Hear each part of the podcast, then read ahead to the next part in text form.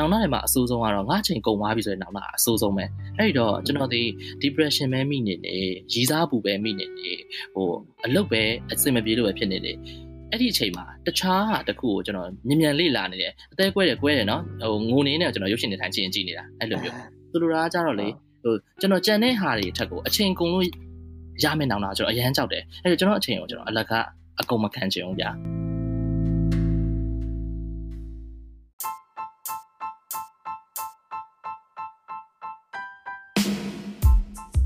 ဒါကတော့ကိုနေတာပဲဖြစ်ပါတယ်အခုနားထောင်နေတာကတော့ Project Curiosity Burmese Podcast ပါ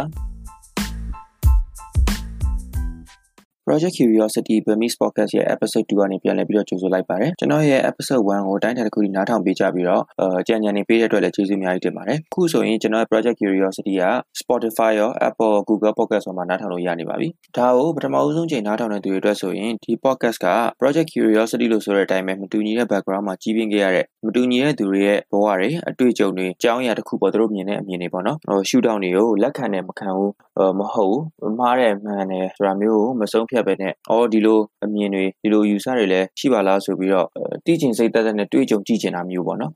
ဒီ UR ချက်နဲ့လုပ်တဲ့ podcast လေးပေါ့အဲ့တော့ဒီအပတ်မှာတော့ကျွန်တော်တို့အဲကျွန်တော်ငငယ်တုန်းကပေါ့နော်ငယ်ရှင်းနေလောက်ကဖြစ်မယ် channel 7မှာ popular chat room ဆိုပြီးတော့လူဘဝတွေနဲ့ထိတွေ့ခွင့်ရအောင်လုပ်ပေးခဲ့တဲ့ကိုစိုးညီထုံးလို့လည်းခေါ်တဲ့ကိုနေတာနဲ့ကျွန်တော်ဒီပတ်ထဲမှာမေးထားတယ်ကိုစိုးညီရဲ့ဖြတ်သန်းခဲ့တဲ့ဘဝတွေအခုရောက်နေတဲ့နေရာတွေအိမ်မက်တွေအကြောင်းအဓိကပြောထားတယ်ဗျအားစင်ကြည့်ပြပါအောင်ဗျ ဟုတ်ကိုမင်္ဂလာပါကိုနေတာဟိုဒီ season လေးမှာပါဝင်ပေးရကျေးဇူးအများကြီးတင်ပါတယ်အဲ့တော့အကိုနဲ့နှစ်ခေါက်သုံးခေါက်လောက်ပြင်မှာတွေ့ဘူးရပေါ့နော်စကားလေးလည်းအကြာကြီးပြောပြတယ်ဆိုတော့ကျွန်တော်ဒီခု podcast လေးလည်းစလုပ်ဖြစ်တော့အကိုကိုမေးမယ်ဆိုပြီးတော့တွေးမိရပေါ့နော်စလုပ်ကြတဲ့ကအဲ့ဒါနဲ့ကိုမေးမေးပြသွားတယ်ပေါ့နော်အကိုရဲ့ဟို journey ပေါ့နော်အကိုကဟိုဆရာဝန်လည်းဟုတ်တယ်စာအုပ်တွေလည်းရေးတယ်ပေါ့နော် TV personality MRT Follow Channel 7တို့မှာလည်းအကိုဟိုလုပ်ပူးတယ်ပေါ့နော်အဲ့တော့ journey တစ်ခုလုံး brand through လေးလုပ်ပေးပါလားကျွန်တော်တို့ အာဟုတ်ကျွန်တော်ဖြတ်တန်းခဲ့တဲ့ဟာတွေပြောရနေတွေ့နော်ဟုတ်ကဲ့ကိုဟုတ်ဟုတ်အာကျွန်တော်ကငငယ်တော့တော့ចောင်းသားပေါ့နော်ရှင်းသွားရောဒီကတော့ចောင်းတော့ကတော့ကျွန်တော်တို့မြန်မာနိုင်ငံမြန်မာကျွန်တော်တို့မြန်မာ culture ရဲ့ဒလိအတိုင်းပဲအာစာလုပ်ချင်တယ်ပြီးတော့ဟိုဆရာမျိုးရိုးဖြစ်တဲ့အတွက်အဆင့်1ရမယ်အဆင့်2ရမယ်ပေါ့နော်ဒါပေမဲ့အမြဲတမ်းအဆင့်3ပဲရခဲ့တယ်နှစ်တိုင်းလူလာတော့လေအဲပြီးတော့အဲ့ရနေမှာကျွန်တော်အမှတ်မိတယ်အမှတ်မိတဲ့အပြင်ကိုငငယ်တည်းကလည်းလုပ်ချင်တာကဆရာဝန်တယောက်ပဲလုပ်ချင်တာအသက်ကြီးလာတော့လေကျွန်တော်က အဲစိတ်အနှံ့တွေကိုနည်းနည်းမခံနိုင်တာလွယ်လို့ရှိရင်ဆရာဝန်အရန်ဖြစ်ချင်တယ်အဲ့ဒါနဲ့ကျွန်တော်စေးကြောင်းတက်တယ်စေးကြောင်းတက်တော့အာပထမနှစ်ဒုတိယနှစ်ပေါ့နော်ဒုတိယနှစ်မှာကျတော့နည်းနည်းအာ internet conflict လေးဖြစ်တယ်ဖြစ်တယ်ဆိုတာကကျတော့ဟိုကျွန်တော်မယုံတာဗျာအဓိကကျွန်တော်က curiosity အရန်များတယ် အရင်များကျွန်တော်အကုန်သိကျင်တယ်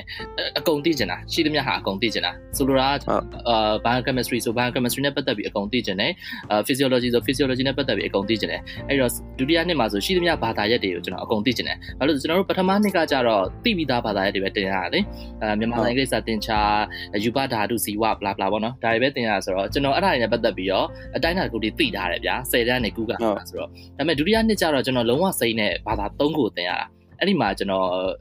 internet conflict တွေဖြစ်တာပဲဒါတွေငါမသိရင်ငါဆရာဝန်မလုပ်ချင်ဘူးဒါပေမဲ့ဆရာဝန်ကအရန်ဖြစ်ချင်တယ်ဆိုတော့ငါဒါတွေသိမှဖြစ်မယ်ဒါပေမဲ့အဲ့ချိန်မှာကျွန်တော် adjust လုပ်လို့မရအောင်ဆိုတော့အဲ့တစ်နှစ်အောက်ပါတယ်အောက်သွားဆိုဟို super supply နဲ့ကျွန်တော်တို့မှာတပါးသားအဲဟို chance နှစ်ခါရရပါတော့ chance နှစ်ခါမှတက်ကြရဲဆိုလို့ရှိရင်နောက်ဆုံး chance အနေနဲ့တစ်နှစ်လုံးပြန်တက်ရတယ်အဲ့မှာကျွန်တော်ကသုံးမှသာဖြေရတာတပါးသားအဲ့လိုနေနဲ့ကြားရဲဆိုတော့ဟိုအဲ့ဒီမှာတက်လိုက်ရတယ်ပေါ့ဒါပေမဲ့အဲ့ချိန်မှာကျတော့နည်းနည်းကိုက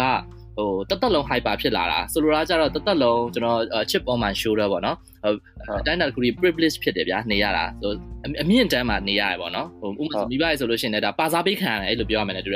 privilege ဖြစ်တာလေအဲ့လိုနေတာရင်းကနေငါဟာတာမန်မာလားဆိုတာသိသွားတယ်တာမန်မာလားဆိုတာ ordinary ကိုပြောတာဗျာအဲ့လိုမျိုးပေါ့နော် ordinary ဖြစ်တယ် average ဖြစ်တယ်အဲ့လိုလူစားသိသွားတဲ့အချိန်မှာစစ internet conflict တွေကနည်းနည်းလျော့သွားတယ် okay ငါသိတဲ့တာပဲသိရမယ်ပေါ့အဲ တည်တင်တာတည်ပြီးတော့မှသာအဲ့ဒီအဆင့်ကိုကြော်ပြီးတော့မှသာအကုန်တည်ကျင်တဲ့အဆင့်ကိုအဲကိုကကော endorse လုပ်လို့ကောင်းမယ်ပေါ့နော်ကိုကိုအလိုလိုက်ပြီးတော့အကုန်လိုက်တည်ကျင်နေအဆင်မပြေဘူးအရင်ဆုံးပထမအဆင့်ကိုကြော်ကြော်သွားတယ်ပေါ့အဲ့တော့အရင်ဆုံးတည်တင်တာအရင်တည်အောင်လုပ်ရမယ်ဆိုတဲ့အချိန်မှာကျွန်တော်တော်တော်အဆင်ပြေသွားတယ်အဲ့တော့ဒုတိယနှစ်ဟို super supply အောင်ပြီးတဲ့ကနောက်နှစ်တည်းအကုန်လုံးကကြတော့ ကျွန်တော်အဆင်ပြေပြေနဲ့တက်လှန်နိုင်သွားတယ် supply လည်းမထိတော့ဘူးဆောင်းမကြရဆိုတာလည်းမရှိတော့ဘူးဒါပေမဲ့ဒီဆရာဝန်အလုံးနဲ့ပတ်သက်ပြီးတော့လည်းပို့ပြီးအသားကျလာတယ်ပေါ့နော်အဲ့လိုနဲ့ကျွန်တော် house in နဲ့ house in တဲ့အချိန်မှာပဲအဲစီကန်လေးတစ်ခုကိုအမားတယောက်အမားတယောက်ရဲ့အာစီစဉ်မှုနဲ့ကျွန်တော် relevant time ဖြစ်တယ်ပေါ့ဥပမာဆိုရင်သူ၄ရက်ကျွန်တော်၃ရက်ပေါ့အဲ့လိုမျိုးဟို GB ခေါ်တာပေါ့နော်ကျွန်တော် general practitioner တယောက်အနေနဲ့ဘရင်နောင်ဘက်မှာစေကန်းနေထိုင်တယ်ပြီးတော့အဲ့ဒီအချိန်မှာကျွန်တော်တို့တော့ကကြတော့အလုပ်ဝင်ခြင်းနှစ်နှစ်ဆောက်ရတယ်ဟိုအလုပ်ခေါ်ဖို့ပေါ့နော် ဟိုဒါအဲမှတ်မိမလားမသိဘူးဒီတလုံးမှာတယ်ဟိုဆရာဝန်တွေခေါ်တယ်ဆိုပြီးတော့ဟိုလူနေနေပဲလာရဲဆိုတော့ဟုတ်တယ်ဟုတ်တယ်အဲ့ဒီကိစ္စကျွန်တော်တို့ကတော့အဲ့လိုမဟုတ်ဘူးဟိုဘာဖြစ်လို့လဲဆိုတော့ကျွန်တော်တို့ကဆိုလို့ရှိရင်ဆရာဝန်ခေါ်ရင်နည်းနည်းလေးပဲလူတွေအများကြီးဝင်ရှောင်းရင်တော့မှအဲသုံးပုံတစ်ပုံအဲသုံးပုံနှစ်ပုံသုံးပုံသုံးပုံအဲလေးပုံသုံးပုံလောက်ပြုတ်ကြတာမျိုးလေအဲ့တော့ကျွန်တော်အဲ့ဒီလုပ်ကိုရှောက်ချင်တယ်ဘာဖြစ်လို့လဲဆိုတော့ကျွန်တော်ဆရာဝန်လုပ်ချင်တယ်အဲနေသွားချင်တယ်ပေါ့ဗျာအဲ့ကောင်ကတော့အဲအဲ့လိုနည်းနဲ့ကျွန်တော်နှစ်နှစ်စောက်ရတယ်အဲ့လိုစောက်နေတဲ့အချိန်မှာပထမနှစ်အတွင်းမှာ အဲကျွန်တော်ဘာလုပ်လဲဆိုတော့ဟိုကျွန်တော်ဝတ္ထုတွေစဖတ်နေပြီငငယ်လေးကကျွန်တော်အရန်အားကြတာကြတော့ကိုကျော်လိုင်ရဲ့စေတနာစာပေကနေသူကဆရာဝန်စာရေးဆရာတွေထုတ်ပေးတာကျွန်တော်အရန်အားကြတယ်ဆရာမလွန်ထထတို့ဆရာမခင်ဦးခင်ခင်တို့အဲ့ဒီတော့သူကတော့မင်းကလေးတွေပုံများတာပေါ့လေနော်ဆရာဝန်မကလည်း sorry ဆရာဝန်မပဲခေါ်ပါတော့ဟိုအမျိုးသမီးဆရာဝန်ကလည်းမင်္ဂလိဟိုစာရေးတဲ့မှာတော့မင်္ဂလိတွေပုံများတာဆရာမပုံသမီးတို့ပါလေဆိုတော့အဲ့ချိန်ကျွန်တော်ဝတ္ထုတွေဖတ်နေတယ်ပြီးတော့ကျွန်တော်ဦးလေးရဲ့ magazine မှာကျွန်တော် edit entertainment editor စလုပ်တယ် စလုပ်ပြီးတော့တစ်နှစ်ကုန်သွားရပါတော့အဲ့လိုကုန်တဲ့အချိန်မှာဆရာဝန်တွေကိုစောစောလိုမျိုးအလုံးလျှောက်ဖို့ခေါ်ဖို့ဟိုနောက်တစ်နှစ်လိုတဲ့အချိန်မှာကျွန်တော်ဘာတွေ့လဲဆိုတော့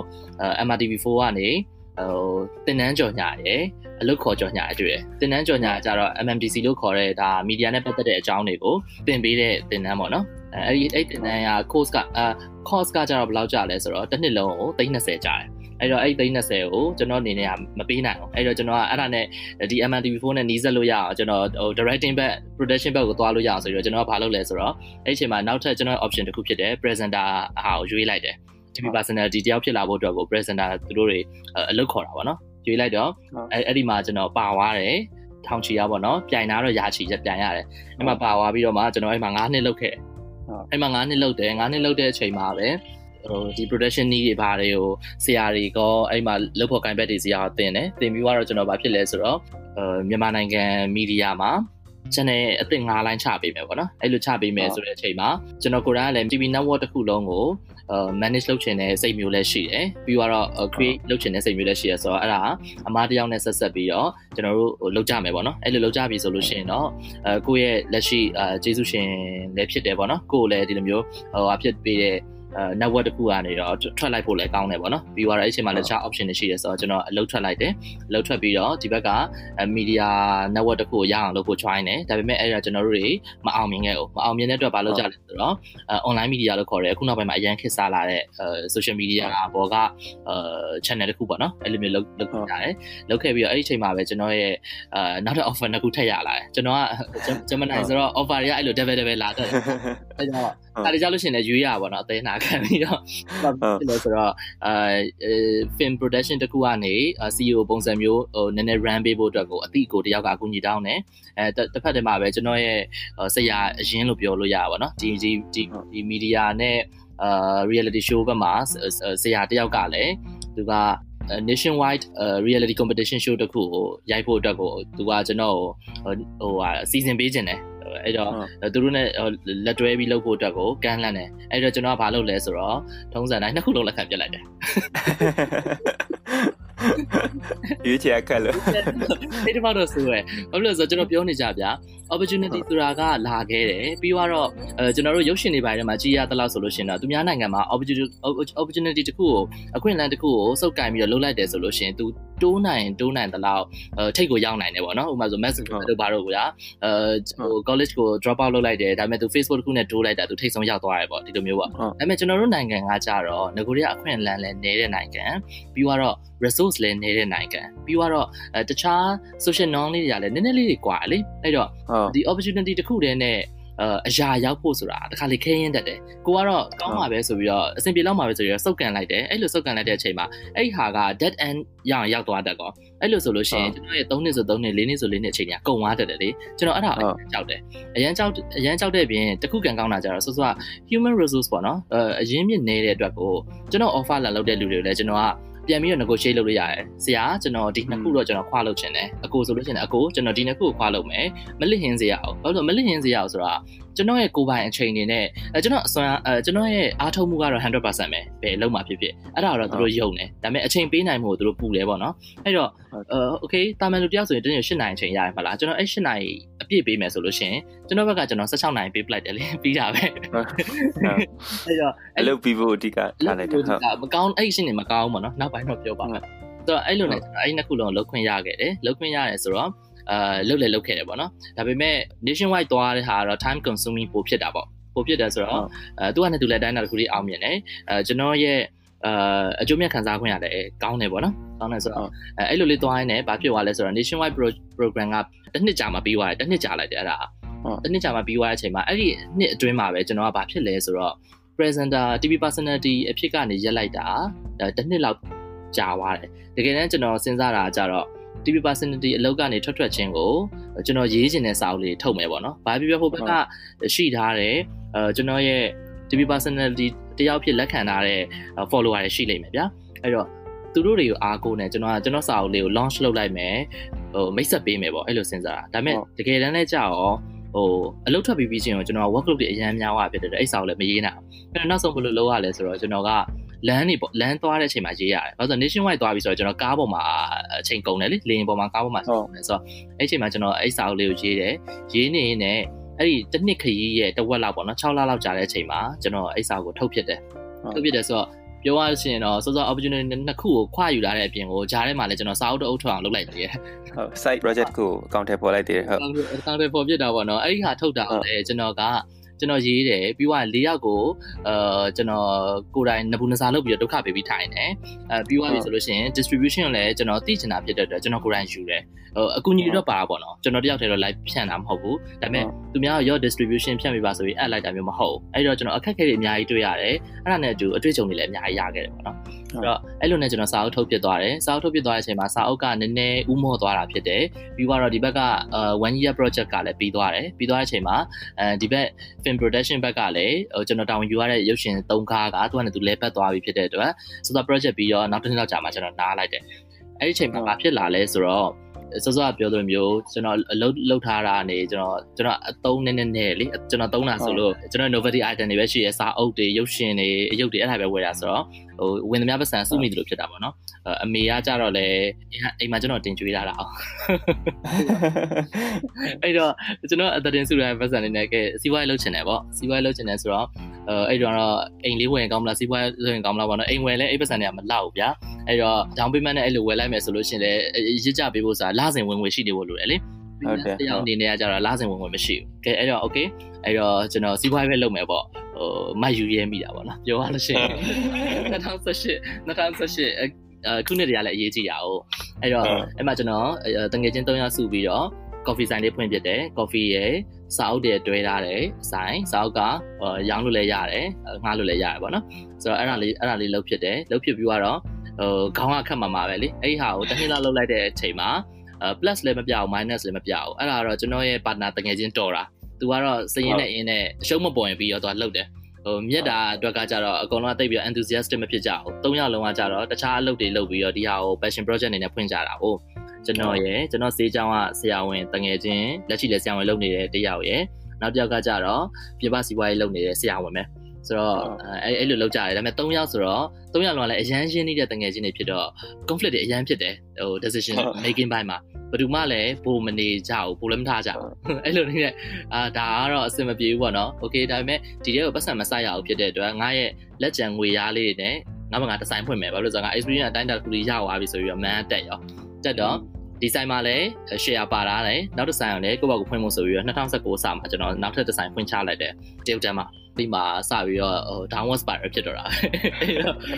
ကိုကိုရာလည်းစာအုပ်ကိုအစမပြတ်ထုတ်ချင်သေးတယ်အဲပြီးတော့ဟိုဘက်ဆိုင်မှာလည်း share ဝင်လာတာဖြစ်တဲ့အတွက် responsibility နည်းနည်းရှိသေးတယ်အဲ့ဘက်မှာဒီဘက်ဆိုင်အောင်ကြတော့ကိုတယောက်တည်းအားနဲ့လှုပ်ချလိုက်တဲ့အခါမှာအဲကျွန်တော်ကျမကြီးထိခိုက်တယ်အဲပြီးတော့ဆိုင်ကိုဟိုအကုန်လုံးကတော့ vicious cycle ပေါ့နော်ကျွန်တော်ကျမကြီးထိခိုက်တဲ့အတွက်ဆိုင်ကိုကျွန်တော်ကဟိုဟို ပေါ့မိတယ်ပေါ့တဲ့ခါကျလို့ရှိရင်ဟာခွက်တွေဖြစ်လာတယ်အဲကျွန်တော်ကကြတော့ကိုယ့်ရဲ့ project ကတဝက်လောက်ရှိရလေဆိုင်ရဲ့ mate ဆိုတာအဲ့တော့ကျွန်တော်ကကျွန်တော် reputation team မှာအရန်ကြောက်တယ်ဟုတ်အရန်ကြောက်တော့ကျွန်တော်နေမကောင်းရဲ့အင်းနဲ့လာလို့ လို့ဆိုတော့100%လည်းကျွန်တော်အရင်လို effort ကိုမပေးနိုင်တော့ဘူးမပေးနိုင်တဲ့အပြင်ကိုဘာဖြစ်လဲဆိုတော့ကျွန်တော်ကျမ်းမာရေးကလည်းပိုပိုထိလာတယ်အဲ့လိုနီးနဲ့အဲ့ဆိုင်ကအဲနှစ်ပြည့်သွားတယ်ပေါ့နော်အော်အေးဖြစ်ရှင်တဲ့အချိန်မှာစောစောပြောသလိုမျိုးဟိုခုနှစ်တည်းရေးကြီးရဆိုတာ2019မှာကျွန်တော်တို့ကအဲ့ရ overbridge ကြီးစောက်တယ်ဗျာကျွန်တော်တစ်နှစ်မပြည့်ခင်9လလောက်တည်းကစောက်တယ်စောက်ချလိုက်တယ်ဆိုတော့ဘယ်လိုပြောရမလဲ Ryan customer ရလာအောင်မခိုင်ပါသေးတဲ့ဖြစ်တဲ့အတွက်ဟိုလူဝင်သားတွေကြာသွားကြာသွားတဲ့အချိန်မှာ okay ကိုကျမ်းမာရေးကလည်းဒီဟာကို100%မပေးနိုင်တဲ့အချိန်မှာကျွန်တော်တခုခုနားတင်တယ်ပေါ့နော် stress အရင်များတင်တယ်ထင်ပြီးတော့အဲစောစောပြောသလိုမျိုးပဲရင်းရင်းဆိုတာနဲ့ပြစ်ချပြန်အောင်မလုပ်ချင်တော့အဲ့လိုပြစ်ချရလေအဲ့တော့အခုဆိုလို့ရှိရင်တော့အဲ့အဲ့ဆိုင်ကိုပိတ်လိုက်ပိတ်လိုက်တယ်ပေါ့နော်ဟိုကျွန်တော် renew ပြန်မလုပ်ဘူးဟို lease ကို renew ပြန်မလုပ်တော့ဘူးကျွန်တော်တယောက်တည်းကိုပိုင်ဆိုင်ပိတ်ထားတယ်အပြီးတော့၃ယောက်ပိုင်တဲ့ဆိုင်ကကြတော့လေအခု covid အတွက်ဆိုင်ပိတ်ဖို့ကြီးညာကန်ဒီ တလားလောက်မှာကျွန်တော်တို့တွေကနှစ်ပြည့်တာပေါ့နော်နှစ်ပြည့်တော့ lease ကိုထပ်ပြီးတော့ renew လုပ်မလားအဲ sign ခံတာမလားဆိုတော့အခုနေထားနေဆိုတော့ sign ခံလိုက်တာအကောင်းဆုံးပဲဆိုပြီးတော့ကျွန်တော်တို့ခဏရက်ထားလိုက်တယ်အဲအဲ့ခါလေးပေါ့ဂျားမှာတော့ကျွန်တော်မေ့ရွာလို့ကြံခဲ့တာကြတော့ကျွန်တော်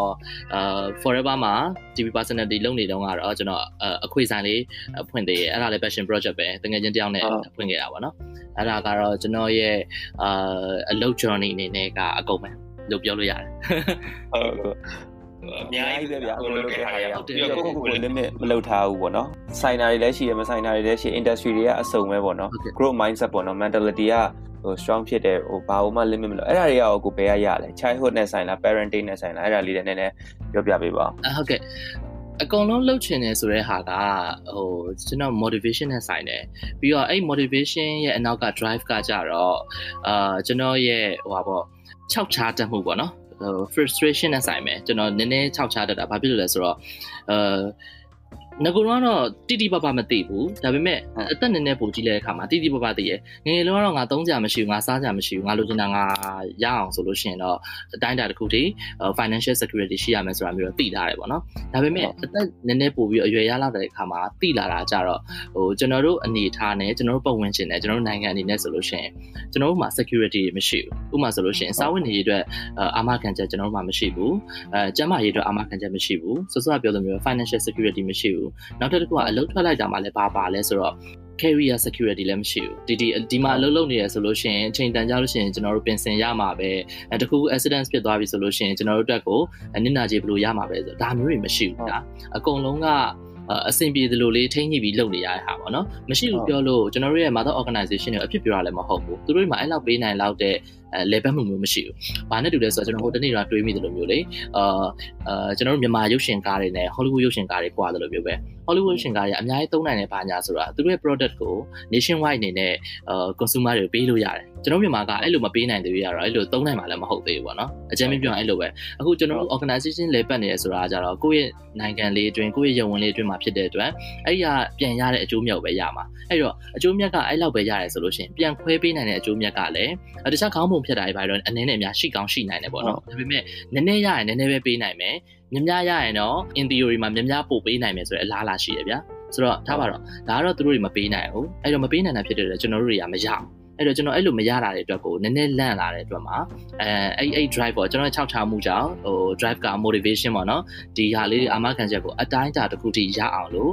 ကျွန်တော်အတိုင်းတာတစ်ခုထိရှာယူရမယ်ပေါ့ဆိုတော့ဒါက drive ဒါပေမဲ့အဲ့ဒီဟာတွေလုပ်ရဲဆောဆောလို့ confidence တွေနဲ့ဆုံးဖြတ်နိုင်စွမ်းနေရပါလဲဆိုတော့အဲဆောဆောပြောလို့မိသားစုအတိုင်းဝိုင်းနဲ့ဆိုင်လိမ့်မယ်ကျွန်တော်ကအစတော့ကတော့ကိုဒီမိုးချရွှေကိုတိတ်တော်တယ်ပေါ့နော်မဆိုင်ဘူးပေါ့လို့ထင်တာဟိုဒါငါလုံနိုင်တယ်ဆိုတာငါငါစိတ်က strong ဖြစ်လုံးလို့ပေါ့နော်ဒါပေမဲ့ကျွန်တော်နဲ့စကားပြောကြတယ်လူငယ်တွေရယ်ကျွန်တော်နဲ့ relate လုပ်တာကြတော့ဒီကျွန်တော် program တွေကြည့်ရတဲ့သူတို့အကျော်ရှိုးရနားထောင်တဲ့သူတို့ဒီလူတွေနဲ့လည်းကျွန်တော်စိတ်ဝင်စားစကားပြောပြတယ်လေအဲ့လိုပြောပြတဲ့အခါမှာအများကြီးဆိုင်မန်သိလာတယ်ဘာလို့ဆိုတော့အာလှုပ်လိုက်တယ်လေဒါဖြစ်သွားတယ်လေဆိုကျွန်တော်အဲ့လိုပြောလို့ရှိရင်မဟုတ်ဘူးသူတို့နေတော့ကြတော့သူတို့မိဘတွေကဘလို့မပြည့်စုံတာတချို့ကြောင့်လည်းပြည့်စုံနေတာနဲ့ဘလို့ခွင့်မပြုတာပါနော်။အော်အဲ့ဒါဆိုလို့ရှိရင်ကျွန်တော်ငငယ်တုန်းက confidence တစ်ခုကိုကိုကိုယုံကြည်မှုတစ်ခုအဲ service team တွေကောင်းလာအောင်ဟိုတိတိလို့ပဲဖြစ်ဖြစ်မတိလို့ပဲဖြစ်ဖြစ်လုပ်ပေးခဲ့တယ်မိဘဆွေမျိုးတွေနဲ့အတိုင်းဝိုင်းကြောင့်အများကြီးဆိုင်တာဆိုတာဟိုတိလာတယ်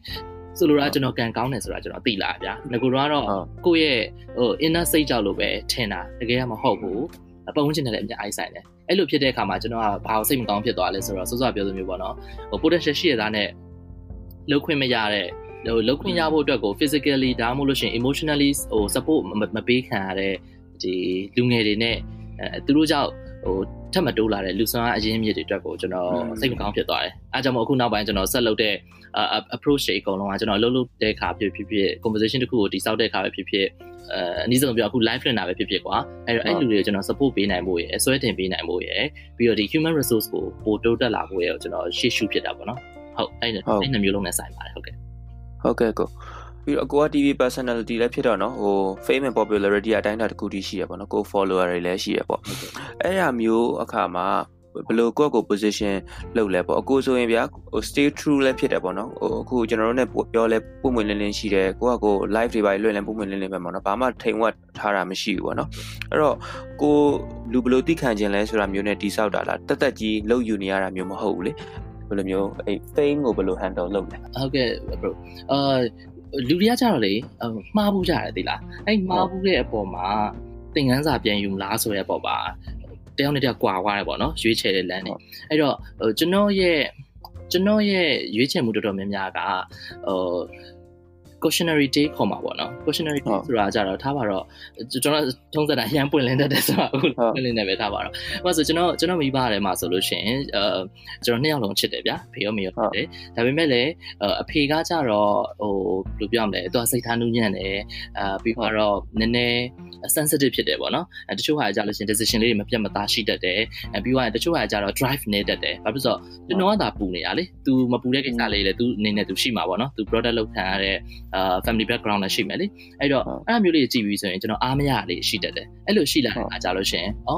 ငါလက်ချရင်တော့ငါဒီလိုမလုပ်ဘူးဆိုတဲ့စိတ်မျိုးကျွန်တော်အရန်ရှိရယ် ဆိုတော့ cautionary day ပေါ့နော်ဒါကကြတော့သူများကိုကျွန်တော် cautionary day ယူတာဟိုတခါတည်းကျရင်ကျွန်တော်အမှားရကျွန်တော်ယူတယ်ဗျာဥပမာဆိုလို့ရှိရင်ကလေးတုန်းကအနည်းနဲ့အများလူတွေကပိတ်လုပ်ဘူးလေသိရပါလားဟုတ်တယ်ခုမှမရှိရဟာလေးကိုအာရှိရထင်သွားရအောင်အေးဟုတ်တယ်အဲ့လိုမျိုးလေးနေတာမျိုးတွေရှိတတ်တယ်ဥပမာဆိုလို့ရှိရင်ကိုကိုကိုရဲ့ဖြစ်တည်မှုတစ်ခုကိုအာမဟုတ်တရားအောင်နေတာမျိုးတွေမလုပ်ခဲ့ဘူးလားဆိုတော့ကျွန်တော်လုပ်ခဲ့ဘူးတယ်ကံကောင်းတာကြတော့ကျွန်တော်ငငယ်လေးတွေက sensitive ဖြစ်တဲ့လူတယောက်ဖြစ်တဲ့အတွက်ဟိုသူများရဲ့ချက်အဲ့ဒါကိုလှုပ်လွယ်တယ်ပြီးတော့သိလွယ်တယ် ဟိုဟိုဆိုလိုတာအဲ realization အရန်ကောင်းတယ်ဗျာကျွန်တော်ကိုကိုလည်းဟိုအမြင်မှန်ရတာအမြင်မှန်ရတယ်ဆိုတာအမှန်ကိုသုံးသပ်နိုင်တာအရန်မြန်တယ်လို့ဟိုသူများကိုလည်းအမှန်သုံးသပ်နိုင်တာအရန်မြန်တယ်အဲ့လိုဖြစ်တဲ့အတွက်သူများကိုကြည့်ပြီးတော့လည်းသူများအမှားကိုလည်းကျွန်တော်က assault လုပ်ပြီးတော့ကို့အမှားမဖြစ်လာအောင်ထိသိမ်းနိုင်တယ်လို့ကို့အမှားကိုလည်းကျွန်တော်အမြန်ပြန်ပြောင်းနိုင်တယ်အဲ့ဒါကြောင့်မို့ဟိုကျွန်တော်သတိထားမိလိုက်တဲ့အချိန်မှာ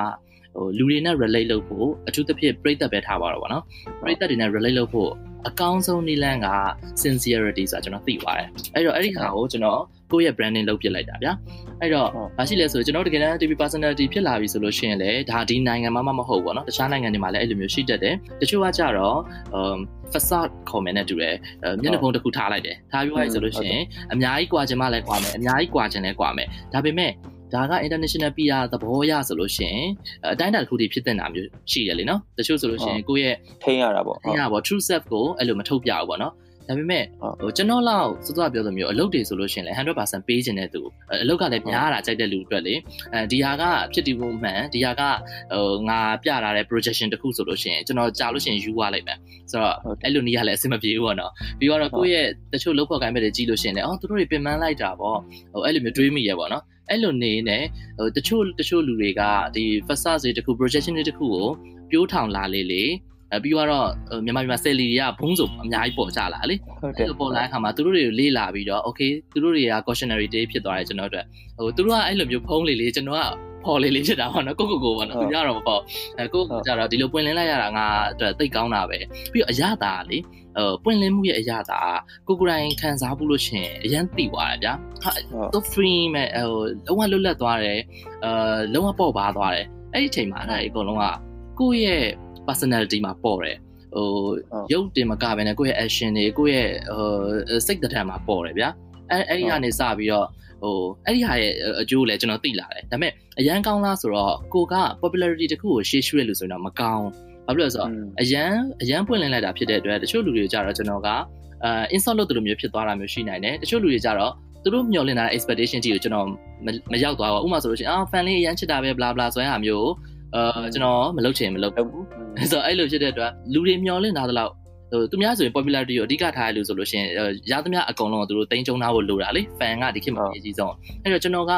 ကျွန်တော် fan တွေတန်ဖိုးထားရဲဆိုတာသူတို့သိတယ်သူတို့သိတာ သူတို့သိနေပြီဆိုရင်ကျွန်တော်ဂျင်သက်တယ်ဗျာအဲ့တော့ဘယ်လိုဖြစ်လဲဆိုတော့ဟိုအစ်စ်တွေတိုးချင်မှတိုးတိုးလာလိမ့်မယ်ဒါပေမဲ့ကျွန်တော်ရဲ့ core fan တွေအကုန်လုံးကတော့ကျွန်တော်ဘာကောင်ဆိုတာသိရယ်ကျွန်တော်ဘယ်လိုနေတတ်တယ်ဆိုတာလည်းသိရယ်ဆိုတော့အဲ့ဟာအတွက်ကိုသူတို့လည်းဂျင်သက်ကြတယ်ကျွန်တော်လည်းဂျင်သက်တယ်ပေါ့နော်အဲ့တော့ဆိုလိုချင်တာကတော့ popularity နဲ့ fame ကိုအဓိကထားတာမဟုတ်တဲ့အတွက်ကျွန်တော်ကလည်းကျွန်တော်တော့အဆင်ပြေနေတယ်ဒါပေမဲ့ကျွန်တော်ကို follow လုပ်ထားတဲ့လူတွေကလည်းအစ်စ်တွေပဲရတာဘယ်တော့မှ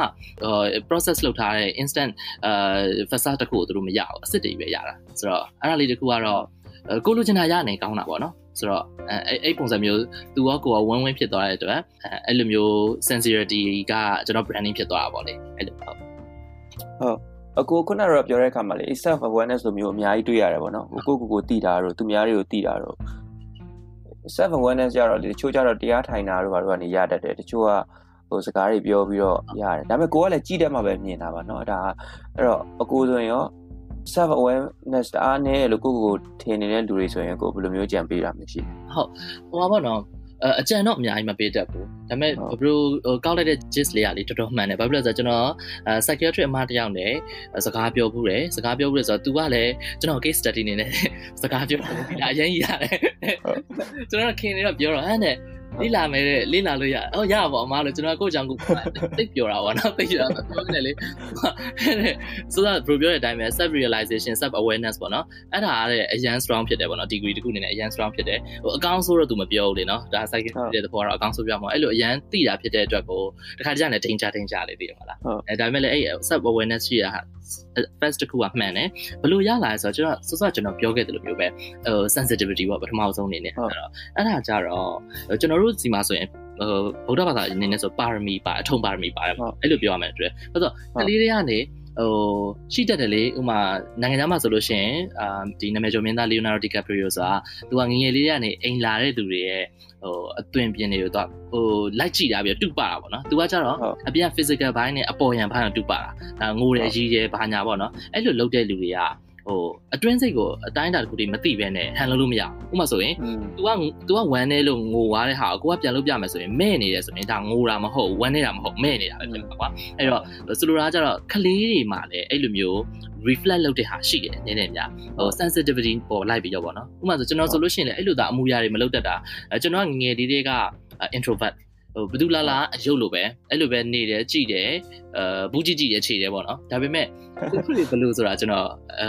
အမြဲတမ်းလိုက်ပြီးတော့စဉ်းစားမိတယ်ဟိုဘယ်လိုပြောရမလဲ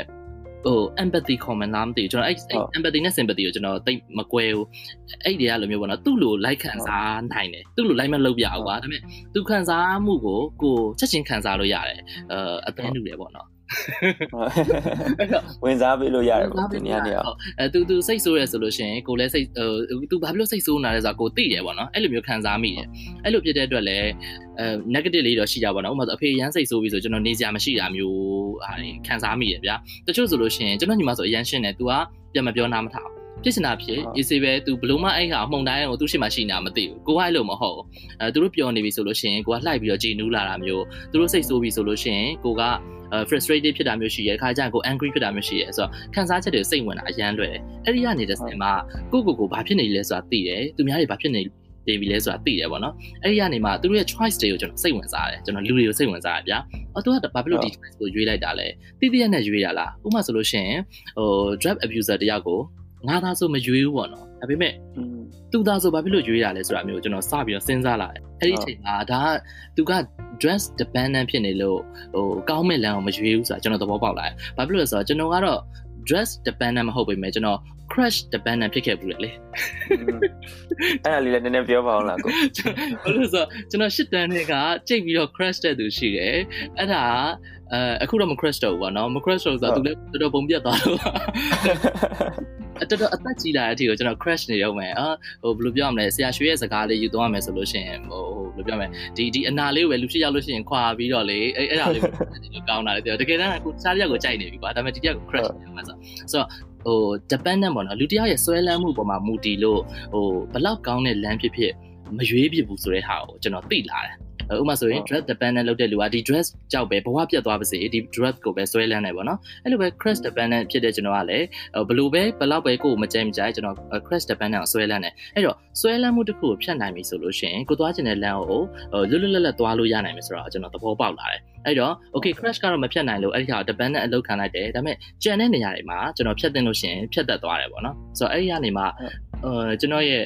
choice တွေရွေးချယ်မှုတွေကိုကျွန်တော်ပြက်ပြက်သားသားလုပ်နိုင်တာတယ်နောက်တစ်ခုကကြတော့ကျွန်တော်ကနောင်တမရှိခြင်းဘူးအမှားရှိလို့ရတယ်အမှားကိုကျွန်တော်လက်ခံတယ်ဒါပေမဲ့နောင်တမရှိခြင်းဘူးအဲအဲ့ဒီအဲ့ဒီအဲ့ဒီ process နဲ့သွားတာဟုတ်ဟုတ်အကိုနဲ့ကျွန်တော်နောက်ဆုံးတွေ့တော့အခါနဲ့ဆိုရင်အခုတချို့ပြောတဲ့ဟာတွေဆိုနည်းနည်းကွဲသွားတယ်ပေါ့နော်အခု value တွေနည်းနည်းပြောင်းသွားတာတွေ့ရတယ်ဥပမာ ဟိုအရင်တော့ဆိုရင်ကိုကောင်းလို့ကိုရောက်တဲ့နေရာကိုရောက်တာပါဆိုပြီးတော့ပြောတဲ့ဟာအခုနောက်ပိုင်းကျတော့ကိုနည်းနည်းပို့ပြီးတော့အမြင်ပွင့်လာတယ်ပေါ့နော်ဟောဒါငါကန်ကောင်းတာပါလားဆိုတာမျိုးအရွယ်တစ်ခုရောက်လာတဲ့အချိန်မှာပြောင်းလာတဲ့အရင်တော့လက်ခံထားတဲ့ဟာတစ်ခုကအခု totally ပြောင်းသွားတာလည်းဖြစ်နိုင်တယ်ဒါမှမဟုတ်နည်းနည်းလေးတွေ့ပယ်သွားတာမျိုးဖြစ်နိုင်တယ်တခြား value တွေဆိုရင်ရောဘာတွေဖြစ်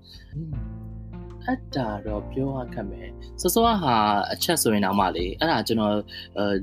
လူတွေနဲ့အများကြီးစကားပြောလိုက်တာရယ်သူတို့ရဲ့ဒုက္ခကိုကျွန်တော်မြင်လာတာကြောက်တာ ကျွန်တော်အဲ့ဒီအမြင်ဖြစ်လာလေဟိုကိုတိုရဲဆိုတဲ့စိတ်ကတော့ဟိုလူတိုင်းမှာရှိခဲ့ပြင်ကျွန်တော်လိုမျိုးကိုကိုကိုအရန်ချစ်တတ်တယ်ကိုကိုကိုပဲဥတီထားတယ် self center narcissistic တယောက်မှာတော့ပုံများတယ်အဲဒါပေမဲ့အဲ့ဒီကိုတိုရဲဆိုတဲ့နေရာမှာသူများတွေကကိုယ့်လိုတော်ပေမဲ့ potential ရှိပေမဲ့ဘာဖြစ်လို့မရလာလဲဆိုတဲ့ဟာကိုကြည့်လိုက်တဲ့အခါမှာသူတို့ broad up လုပ်ခံရတဲ့ပတ်ဝန်းကျင်ကွာလို့ပေါ့နော်အဲ့လိုကွာတဲ့အချိန်မှာ okay ဆိုပြီးသားချင်းမိဘတွေရဲ့ငါပတ်ဝန်းကျင်ရဲ့ဟိုအခန်းကဏ္ဍတော့ငါမေ့ပြလို့မဖြစ်ဘူးပေါ့နော် မြန်မာနိုင်ငံကာချာလည်းပါမယ်ဥပမာဆိုဗျာကျွန်တော်အလုပ်လုပ်တဲ့တောက်လျှောက်မှာကျွန်တော်မှာကိုယ့်အရေးချင်းရှိတာဟုတ်တယ်ဒါပေမဲ့ဆရာဝန်လေးဆိုတဲ့ဟာတခုနဲ့ရှော့ရှော့လက်ခံတဲ့ကန်ထားရရှိတယ်โอเคအဲ့ဆိုလို့ရှိရင်ငါဆရာဝန်ဖြစ်လို့လားဆိုတော့အဲ့လိုလည်းမဟုတ်၈တန်း9တန်း10တန်းမှာဆိုလို့ရှိရင်အဲထားပါတော့အတန်းထဲမှာဆိုလို့ရှိရင်လည်း favor ပေးခံရတယ်ဘာဖြစ်လို့ဆိုတော့တော်လို့ပေါ့နော်ဒါပေမဲ့အဲ့ချိန်မှာစာတော်တယ်ဆိုတဲ့ဟာကိုဟိုဘသူကဘာနဲ့တိုင်းတာလဲဆိုတော့မသိဘူးဒါပေမဲ့အဲ့လို favor ပေးရတယ်ဒါပေမဲ့ပြန်ပြီးစဉ်းစားတဲ့အခါမှာဟိုကန်ကန်ကြီးအကျိုးဆိုတဲ့အတိုင်းပဲ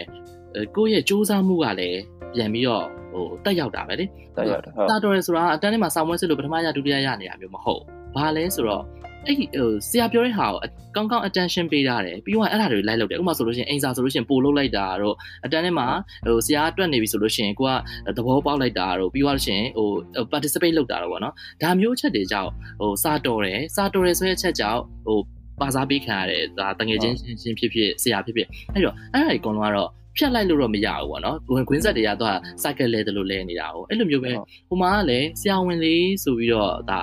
ဟိုရှေ့ရှေ့ရှူပထမတစ်ချီလက်ခံလိုက်မယ်ဒါပေမဲ့အဲ့ဒီအချိန်မှာပဲကိုယ့်ရဲ့စူးစမ်းမှုကိုထုတ်ပြနိုင်လို့ဒါဒါရည်ရှိဖြစ်လာနိုင်ပါတော့အဲ့တော့ဟိုကိုတော်ရဲဆွဲစိတ်ကတော့ရှိတယ်ဒါပေမဲ့စောစောပြောသလိုမျိုးဟိုကျန်တဲ့အခန်းကဏ္ဍကိုလည်းပယ်ထားလို့မရဘူးပေါ့နော်ဒီဟာနဲ့ပတ်သက်ပြီးတော့အပြောင်းလဲရဒီလိုရှိရကျန်တဲ့ဟာတွေကဘာပြောင်းလဲသွားလဲဆိုတော့အော်ရှိရပါအကြီးပဲစောစောကကျွန်တော်ခုနှစ်တွေပြောနေတာကအလကားမဟုတ်ဘူးလေနော်ကျွန်တော်နိုင်ငံမှာကတဖြည်းဖြည်းနဲ့ deteriorate ဖြစ်လာတယ်လို့ကျွန်တော်မြင်တယ်နိုင်ငံရေးလူမှုရေးစီးပွားရေးပေါ့နော်အဲ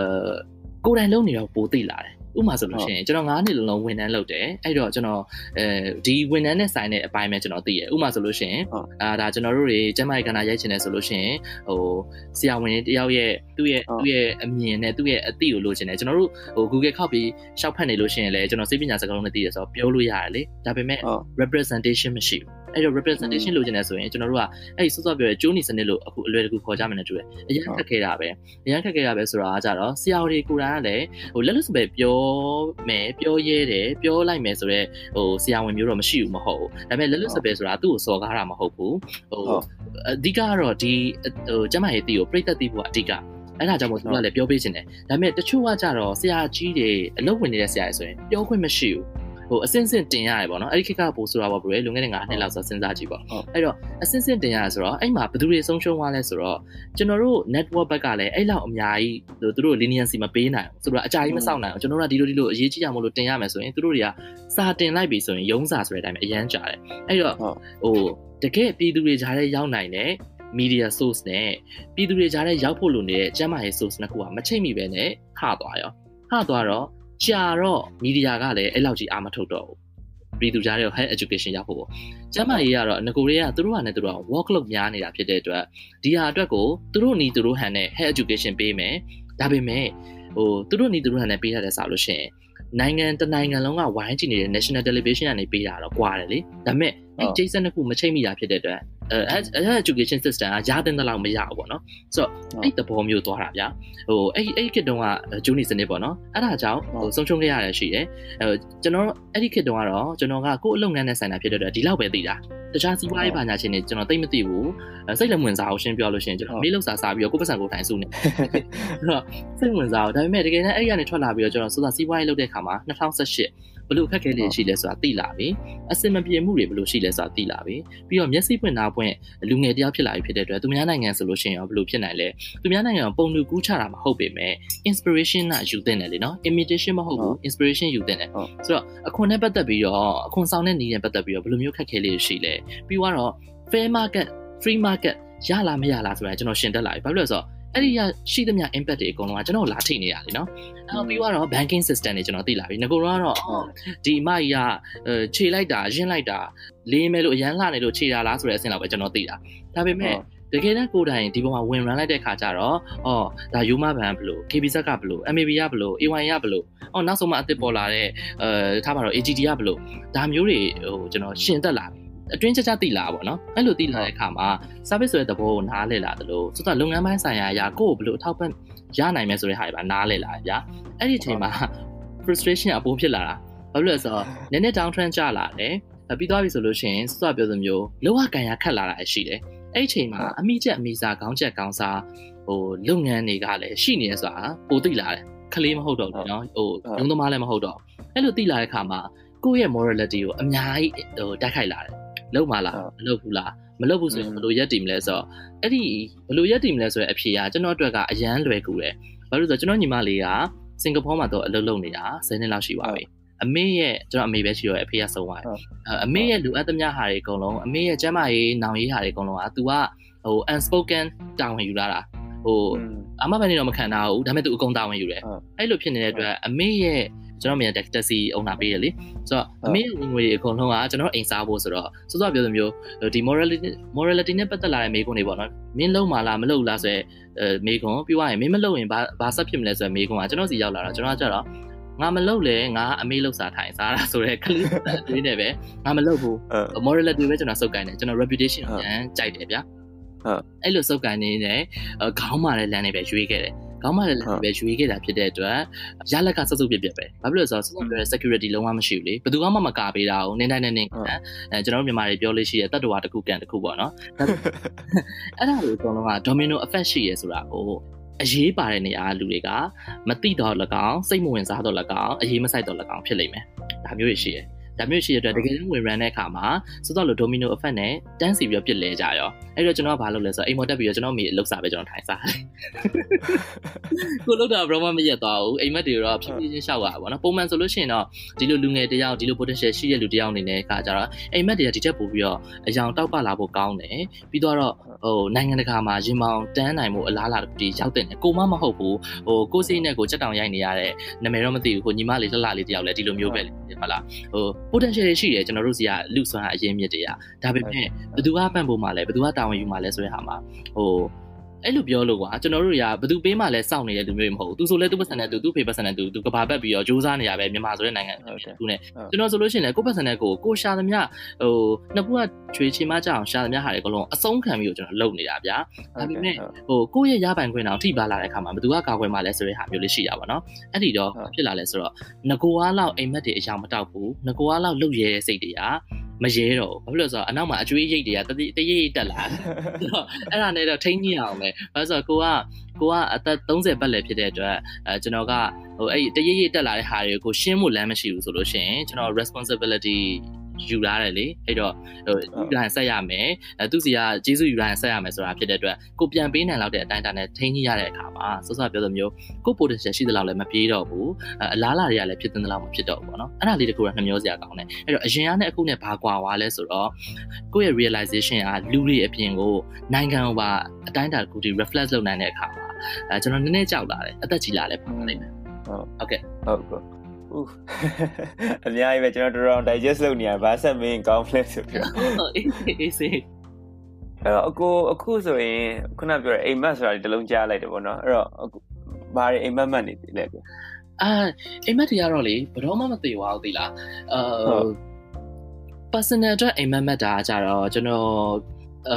in general ခြုံပြောရဲဆိုလို့ရှိရင်ကျွန်တော် legacy ထားခဲ့ခြင်းတယ်ပေါ့နော်ဥပမာဆိုလို့ရှိရင် legacy ကျန်တဲ့နေရာမှာတော့ဘာတွေကျန်လဲဆိုတော့ဟိုအနုပညာပစ္စည်းတွေလည်းလက်ရာတွေလည်းကျန်ကျန်ကြတယ်ပေါ့နော်ဥပမာဆိုလို့ရှိရင် painting Marilyn Monroe သူတို့ဆုံးသွားတယ်သူတို့လက်ရာတွေအခုတည်းကျန်နေတော့မယ်တခါကျလို့ရှိရင်စဉ်းစားမိအောင်လွန်ခဲ့တဲ့နှစ်ပေါင်းသူတို့ဆို60လောက်ရှိမဲ့အတွက်အော်သူတို့အဲ့ရဟာတွေကရှင်တန်နေတော့ lives on ဆိုတဲ့စကားလုံးလေးပေါ့နော်ရှင်တန်နေဟာဆိုတော့ကျွန်တော်ရန်သဘောကျတယ်ပြီးတော့ဆရာကြီးရွှေဦးထောင် ဟိုးလုံခဲ့တဲ့လုံကရေးခဲ့တဲ့ဟာကြံနေတော့မယ်သူတို့ပို aura ဆိုလို့ရှိရင်တခြား Virginia Woolf တို့ဘာလို့ရှိမယ်ဗျာ Jack London တို့အဲ့လိုမျိုးရှိမယ် Ernest Hemingway တို့ဆိုတော့အဲ့ဒီဟာတခုကိုကျွန်တော်အရန်သဘောကျတယ်ဒါပေမဲ့ဒါကကျတော့ကိုယ့်ရဲ့ personal အတွက်ပေါ့နော်ကျွန်တော်ဒီစောစောပြောလိုမျိုး self center narcissist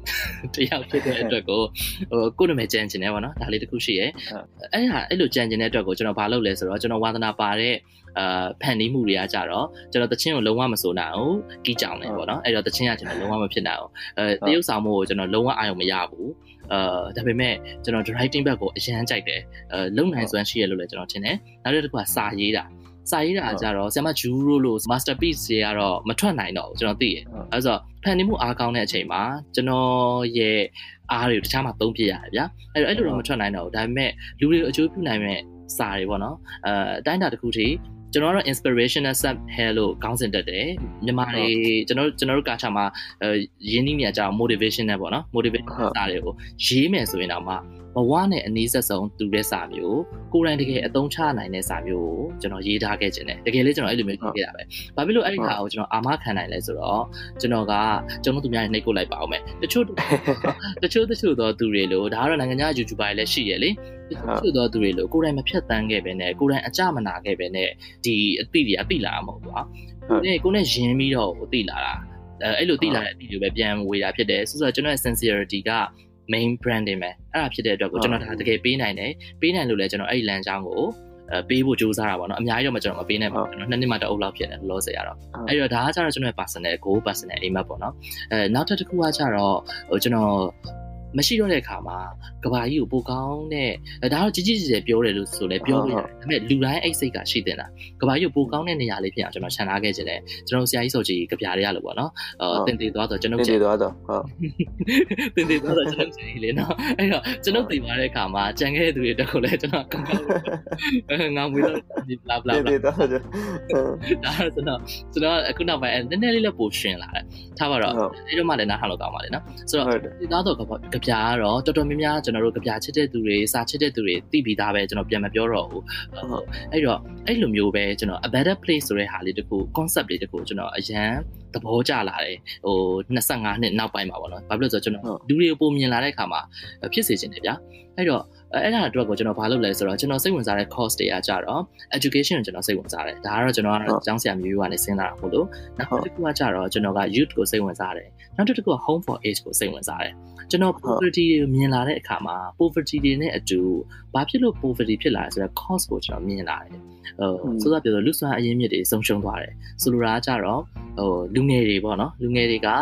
လူမှန်နေရာမှမရှိဘူးအခွင့်အလမ်းအမှန်တွေမရဘူးဒါကြောင့်မို့အလုံးမလုပ်ဘူးအလုံးမလုပ် mindset တွေပြက်လာတယ် attitude တွေပြက်လာတယ်ဒါကြောင့်ပို့ပို့ပြီးတော့ဆင်းရဲတွင်နှက်လာကြတယ်ကျွန်တော်တို့နိုင်ငံနောက်တစ်ခုကဒီလိုဆင်းရဲတွင်နှက်လာတဲ့အတွက်ထိခိုက်မှုကကြတော့လူကြီးတွေမှာလည်းထိခိုက်တယ်ဆိုတော့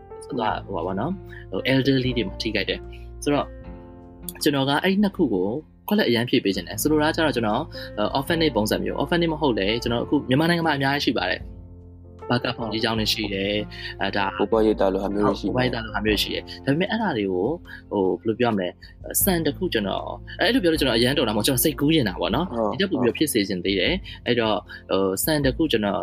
ဟိုတီထားတီထားခြင်းတယ်ပေါ့နော်အဲ့ဟာအတွက်ကိုတော့လေကျွန်တော်ဟိုတတိပြအောင်စူးစမ်းမယ်ဆိုတာလည်းလေစူးစမ်းပြောဆိုကျွန်တော်ကတည်ရတိလေအမေလောက်စားစားဖြစ်ဖို့များတယ်အဲ့တော့ကျွန်တော်ကျွန်တော်စဉ်းစားတဲ့တတိပြအောင်စူးစမ်းမယ့်ဟာတွေအကုန်လုံးကကျွန်တော်ရဲ့ goal တွေအကုန်လုံးအဒီအတွက်ပဲသွားမှာကျွန်တော်အာ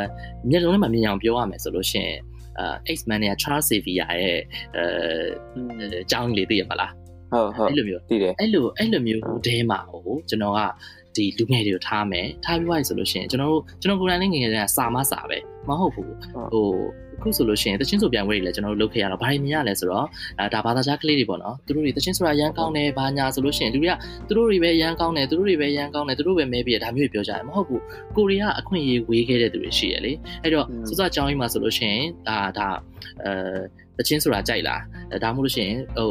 instrument နဲ့တီးရအကြိုက်လားလို့ပြီးတော့လို့ရှိရင်တဘာဝနဲ့ဆိုင်တဲ့အကြောင်းတွေလည်းကျွန်တော်သင်ပေးမယ်စာနဲ့ဆိုင်စာနဲ့ဆိုင်တာတွေလည်းသင်ပေးမယ်ပေါ့နော်သူ့ရဲ့အားသာမှုကဘာလဲပေါ့တချို့ဆိုလို့ရှိရင်စာလုံးဝဖတ်လို့မရအောင် ADD တွေရှိမယ်ဒါပေမဲ့သူကအားကစားမှာဟိုအားသာတယ်ပေါ့နော်ဒါမျိုးသင်ပေးမယ်နောက်တစ်ခုကကျတော့ကျွန်တော်က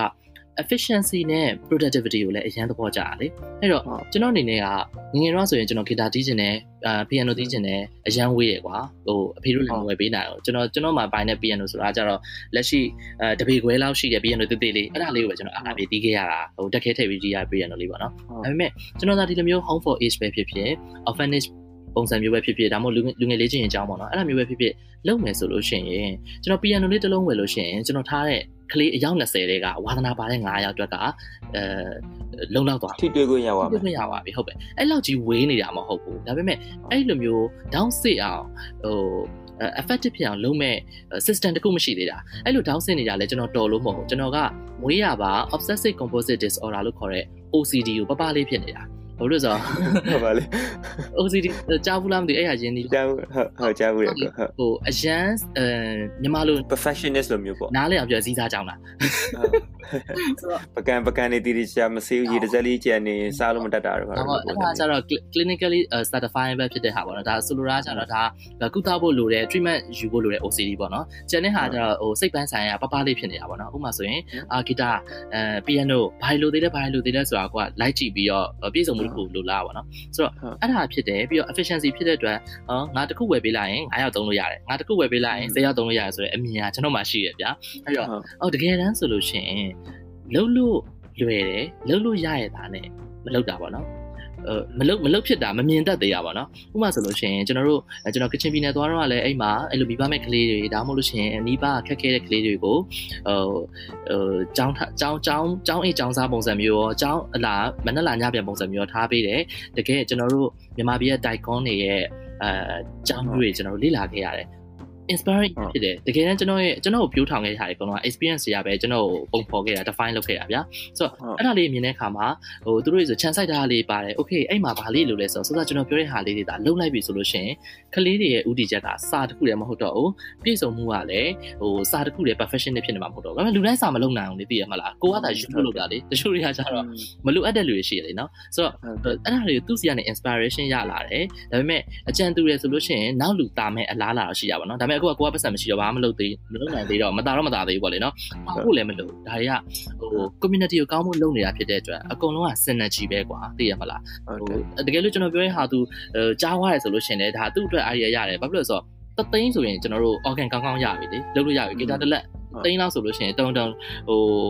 အဲစံမိနေပြီဗျာဆိုတော့အဲ့လိုမျိုးပေါ့နော်ဆိုတော့အဲ့ဒါလေးတွေရှိတယ်ပြီးတော့ home for age ကကြတော့ကျွန်တော်ကဟိုအသက်ကြီးရဲ့အသက်ကြီးရဲ့သူတွေ poverty ရဲ့ဒဏ်ကိုခံစားနေရတာ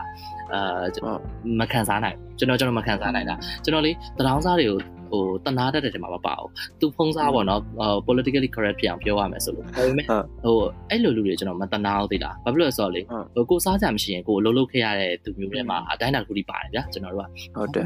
ဟိုအဲ့တော့မတနာဘူးဆိုတော့သူတို့ဟိုမျက်နှာလဲခဲပြလောက်တာမဟုတ်သူတို့တော့ opportunity တွေကျွန်တော်လုပ်ပေးချင်တာတက်နိုင်တဲ့လောက်ပေါ့နော်သူတို့တွေကိုလည်းစူးစမ်းစေချင်တာအဲ့တော့ဟိုဒါပေမဲ့ကျွန်တော်ကတော့စိတ်ထားပေါ့နော်တကယ်တမ်းအဲ့လိုမျိုးဟိုလေလွင့်ကလေးငယ်လေးတွေကိုစာလိုက်ပြပေးနေတဲ့သူတွေဒါအမတွေဆိုလို့ရှိရင်လည်းကျွန်တော်ပွဲတွေမှာတွေ့ဘူးလေသူတို့တွေကတော့ကိုယ်တိုင်ဖြစ်အောင်လုပ်နိုင်တဲ့သူတွေပေါ့နော်ဆိုတော့အဲ့လိုမျိုးတွေကို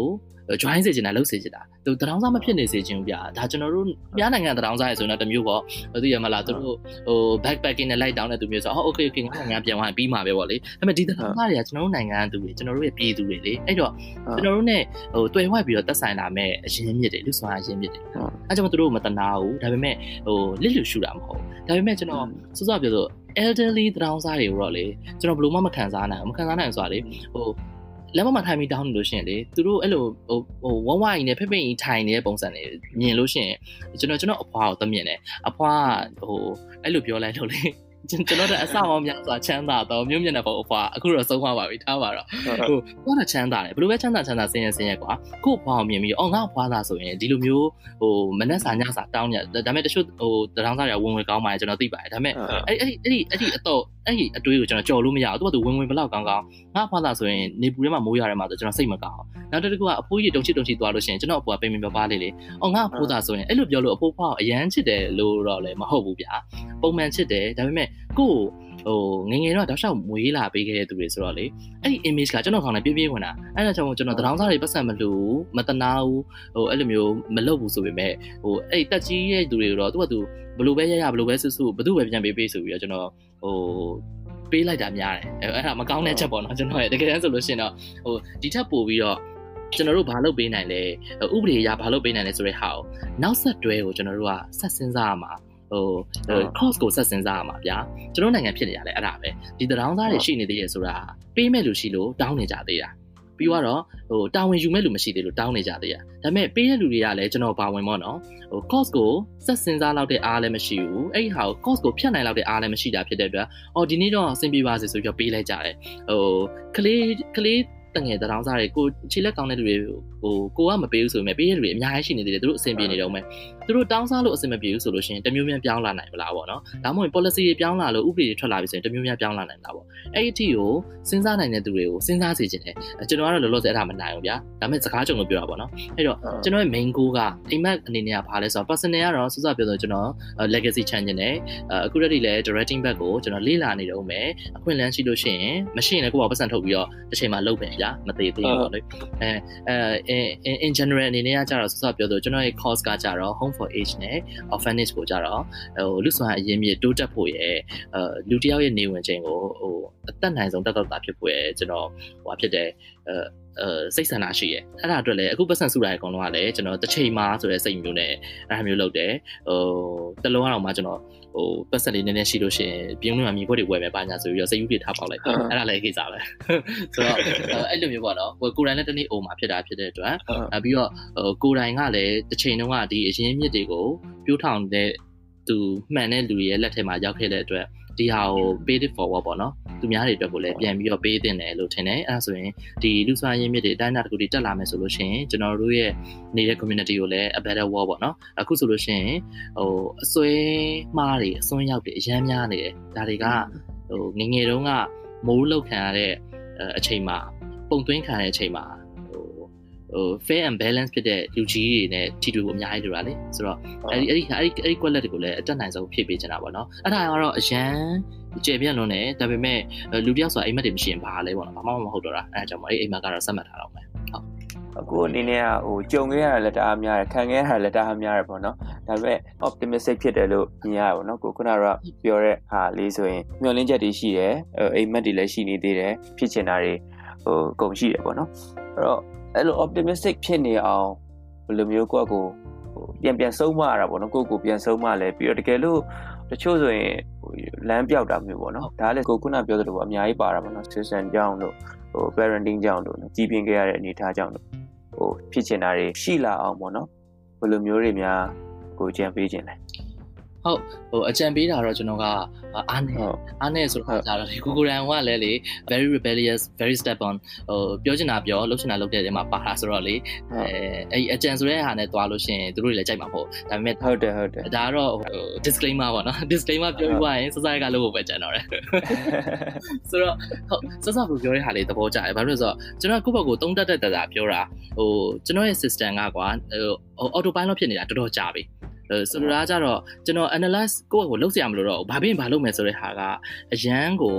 အသားကြပြီးသားအဲ့တော့ဆိုတော့ဘယ်လိုပြောတဲ့ဟို optimistic ပေါ့နော် optimistic ဖြစ်လို့နေဆိုတော့အေးဟုတ်ပါလားငါတော်တော် optimistic ဖြစ်ပါလားဆိုတော့အခုမှပြန်သတိထားမိရသေးလားဘာဖြစ်လို့လဲဆိုတော့ဘရိုထင်တာနဲ့ပြောင်းပြန်ကျွန်တော်ဒီ very cynical person တော်တော်ကိုအစိုးမြင်တော့ဟိုရလက်ဆိုးတွေကို ဟိုကြိုတွက်လွန်သော person အဲအကြောင်းမို့ကျွန်တော်နဲ့ project လုပ်ရလို့ဆိုအရန်စိတ်ဆင်းရတာဥပမာဆိုလို့ရှိရင်စောစောကျွန်တော်ပြောတဲ့ technical project ကွာတချင်းဆိုပြန်ပွဲအဲ့ဒါနဲ့ပတ်သက်ပြီးတော့အကုန်လုံးစီးဝေးလုပ်ကြတယ်နိုင်ငံနိုင်ငံတော်ခေါင်းဆောင်တွေလည်းပါတယ်ပြီးသွားရင်တကယ်ဒီဂီတလောကကတကယ်နာမည်ကြီးဟိုနာမည်ကြီးရဲ့ပြင်ပို့ဆိုတာသူတို့ကတဘာရင်ဝါရင်ဖြစ်နေတာဆိုတာဆရာကြီးတွေပဲအကုန်လုံးဆရာကြီးဆိုတာ literally ဆရာကြီးကိုပြောတာရွေ့ပြောတဲ့ဆရာကြီး literally Andy Andy Joyce တို့ဆရာမြင့်မိုးအောင်တို့ဆရာရွှေကျော်ကျော်တို့တကယ် great great dance ဆရာကြီးပါတယ်ဆိုတော့ဟိုသူတို့တွေနဲ့ရင်ဆိုင်ပြီးတော့ပြောတဲ့အခါမှာကြာလို့ရှိရင်လည်းကျွန်တော် producer role ကနေပြောတာဖြစ်တဲ့အတွက်ကျွန်တော်ပြောတဲ့ဟာတွေကဘာလို့ရင်ဘာဖြစ်မယ်ဘာလို့ရင်ဘာဖြစ်မယ်ဘာလို့ရင်ဘာဖြစ်မယ်အဲ့ဒါတွေပဲတန်းစီပြီးပြောရတာအကုန်လုံးစိတ်ညစ်သွားတဲ့အနေအထားကြီးကိုကျွန်တော်အဲ့ဒါပြီးတော့နောက်ထပ် project တစ်ခုထပ်ပေါ်လာသေးတယ်နောက်ထပ် TV network အတွက်ပဲ project ကြီးကြီးပဲအဲ့ဒီဟာကျတော့လေတွေ့တဲ့ meeting တွေကဒီလိုလုပ်ရင်ဒီလိုဖြစ်မှာနော်ဒီလိုလုပ်ရင်ဒီလိုဖြစ်မှာနော်ဆိုတော့အဲ့လို အရန်အစိုးမြင်တဲ့လုံးနဲ့သူဗျာအဲ့လိုပြောတော့ तू ကလေအဲ့ဆိုကျွန်တော်တို့ဘာလုပ်ရတော့မှလဲဆိုတဲ့အနေထားလောက်ထိကိုပေါ်လာတဲ့ထိကိုကျွန်တော်အစိုးမြင်ပြတယ်အဲ့ဒါနေမြင်လားဆိုတော့မဟုတ်သေးဘူးကျွန်တော်ညီမ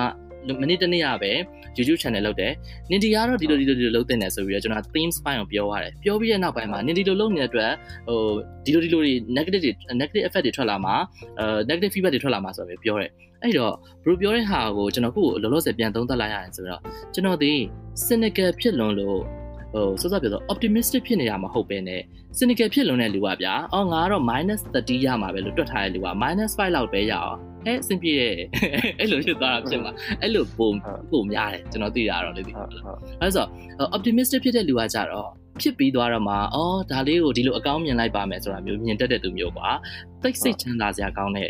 စိတ်ချမ်းသာစရာကောင်းတဲ့လူတယောက်ပေါ့အဲအလင်းအလေးချင်းတစ်ခုပေါ့နော်ကျွန်တော်အဲ့လိုမဟုတ်မဖြစ်ခင်တည်းကလေ minus ပေါင်းများစွာခေါင်းထဲမှာရှိပြီးတော့ အပူတဲ့အပူတဲ့အရန်ဖိစီအဲ့လိုနေတာပြီးသွားရင်ကိုလုံးမဲ့ဟာလည်း perfectionist ဇင်းလုံးကြောမထွက်လာမှလည်းကြောက်သေးရဲ့ဆိုတော့အဲ့လိုလုပ်နေတယ်အဲ့အဲ့ဟာပေါင်းကြိုပြီးတော့ရင်ဆိုင်ပြီးတော့ scenario ပေါင်းများစွာကိုကိုယ့်ရဲ့မသိစိတ်ထဲမှာသိစိတ်ထဲမှာရင်ဆိုင်ပြီးရဖြစ်တဲ့အတွက် တကယ်တမ်းလည်း negative result ထွက်လာကိုထင်တယ်လို့မဆိုတဲ့အတွက်အော်တော်သေးတာဟောဆိုဖြစ်သွားအဲ့ဒါအများကြီးဖြစ်နိုင်တယ်ဒါကတော့ဟိုနောက်ပြောနေအတီးပြောတာပါနော်အဲ့လိုအများကြီးဖြစ်နေတယ်အဲ့လိုဖြစ်တဲ့အတွက်ကိုတခုရှိတာကကြတော့လေကျွန်တော်ပို့ပို့ပြီးသိလာတာကကြတော့ကျွန်တော်တို့ဟိုဘာလာမှာလဲခေါ်လာပါတယ်လောကနဲ့တရား၈ပါးပေါ့နော်နင်းမြင့်နေအရန်များတဲ့အချိန်မှာကျွန်တော်တို့စုပ်ကက်ဖြစ်လာတာဖြစ်တဲ့အတွက်ပို့ပြီးတော့အဲ့ဒီနင်းမြင့်ညာအကုန်များတယ်အဲ့တော့လေတခါလေကြောက်လို့ရှိရင်ကလေးတွေရှိရကွာအဲ ဒီလောက်ပဲလုပ်လိုက်မယ်ဖြစ်သွားမှာပါကိုရဲဆိုပြောလို့ရှိရင်ဟမ်ချင်းလို့လားဟိုကိုကဂျင်းလောက်မမခါလောက်ကျန်တဲ့စားဒါမျိုးတွေလာတာဒူးလောက်ကျန်တဲ့စားဒါမျိုးတွေလာကွာသိရမလားဖြစ်လာမှာမဟုတ်ဘူးเนาะဒီခေတ်အခြေအနေနဲ့ကိုယ့်ရဲ့ကံအခြေအနေနဲ့စုပ်ပြတ်နေအောင်ထွက်လာမှာဆိုမျိုးကျွန်တော်ပြောပြီဗျာအဲ့လိုမျိုးပေါ့နော်အဲ့ဆိုသူတို့အရန်အံ့ဩတယ်ကျွန်တော်တော့မအံ့ဩဘူးကျွန်တော်ရဲ့မဟုတ်လို့ရှိရင်ကွာဆော့ဆော့ပြောတဲ့ဘယ်ပြောတဲ့ impact တွေအရန်ဆုံးမှာ depression ဝင်တာတို့အားနေသွားတာတို့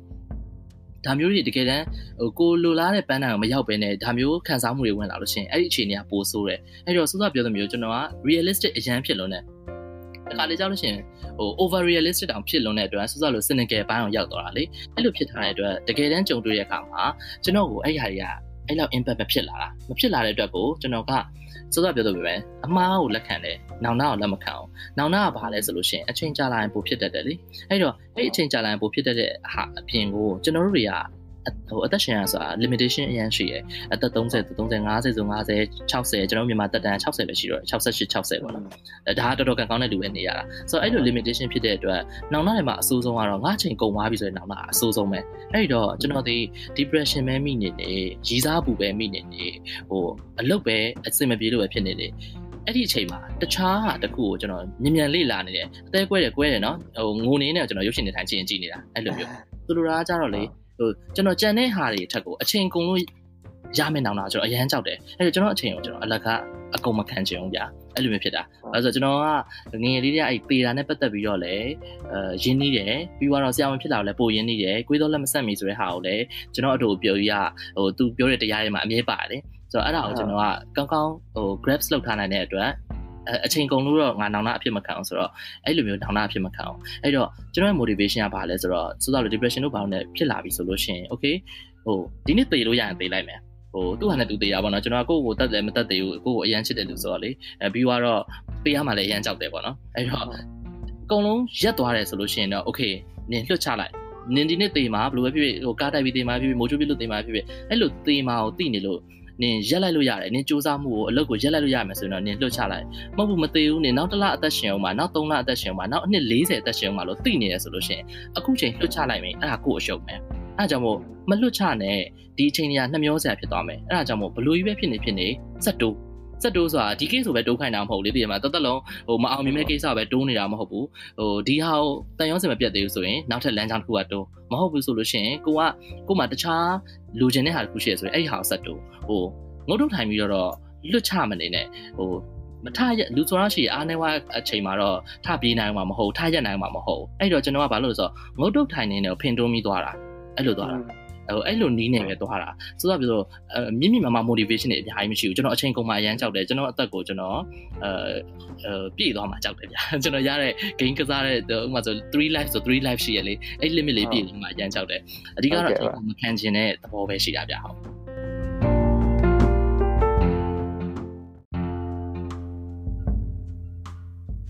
အခုနားထောင်ခဲ့တာကတော့ Project Curiosity Burmese Podcast ပဲဖြစ်ပါတယ်နားထောင်နေသူများအနေနဲ့လည်းတခုခုရမယ်လို့မျှော်လင့်ပါတယ် Project Curiosity လို့ဆိုတဲ့အတိုင်းလူအသစ်တွေနဲ့တွေ့ပြီးတော့တွေးခေါ်အသစ်တွေရှုထောင့်အသစ်တွေအမြင်အသစ်တွေအကျိုးရှိမှန်ထင်တာတွေကိုစူးစူးဆန်းဆန်းမေးမြန်းသွားမှာဖြစ်ပါတယ်။ Burmese Podcast ဖြစ်တဲ့အတွက်တင်ဆက်မှုအားလုံးမြန်မာလိုပဲတင်ဆက်သွားမှာဖြစ်ပါတယ်။နားထောင်ပေးတဲ့အတွက်ကျေးဇူးတင်ပါတယ်။